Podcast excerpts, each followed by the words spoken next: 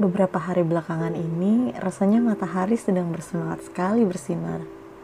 Tanaman yang diatur sedemikian rupa di taman kota belum cukup membuat cuaca lebih sejuk.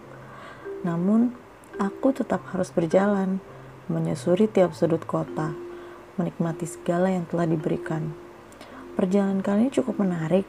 Aku menemukan sebuah rumah yang terlihat agak kumuh, tapi begitu sejuk.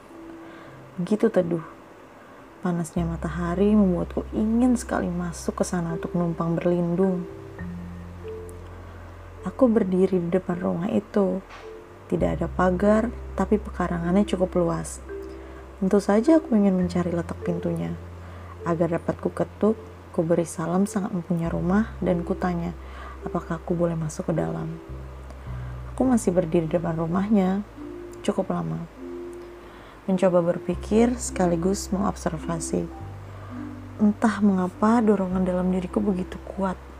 Akhirnya aku menemukan pintunya. Aku ketuk perlahan, belum ada jawaban. Aku ketuk agak kencang sambil mengucap salam. Belum ada jawaban. Namun kali ini aku mendengar ada suara langkah kaki mendekati pintu. Belum ada pintu yang dibuka. Aku sempat melihatnya Sang penghuni rumah membuka sedikit tirai di jendela. Rambutnya terlihat berantakan. Tapi ada yang begitu menarik saat aku sekilas menatap matanya. Aku menjadi lebih bersemangat untuk mengetuk pintu. Tak lupa aku tampilkan senyum paling baik yang kupunya. Pintu tetap belum terbuka. Sepertinya ia ketakutan. Sepertinya aku terlalu berisik aku akan tetap berdiri di depan rumahnya. Namun, akan kutahan semampu yang aku bisa untuk tak lagi mengetuk atau mengucap salam. Aku hanya akan mengamatinya dari jarak yang cukup. Cukup untuk tidak membuatnya ketakutan, cukup untuk tetap membuatku mampu menjangkaunya dari penglihatanku.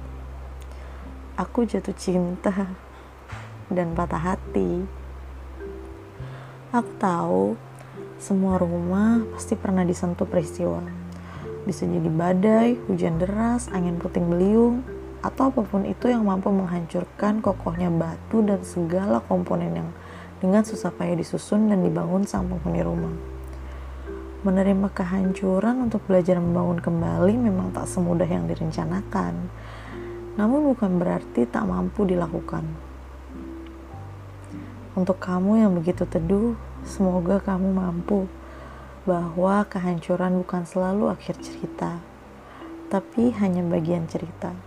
Aku juga masih belajar merapikan rumah.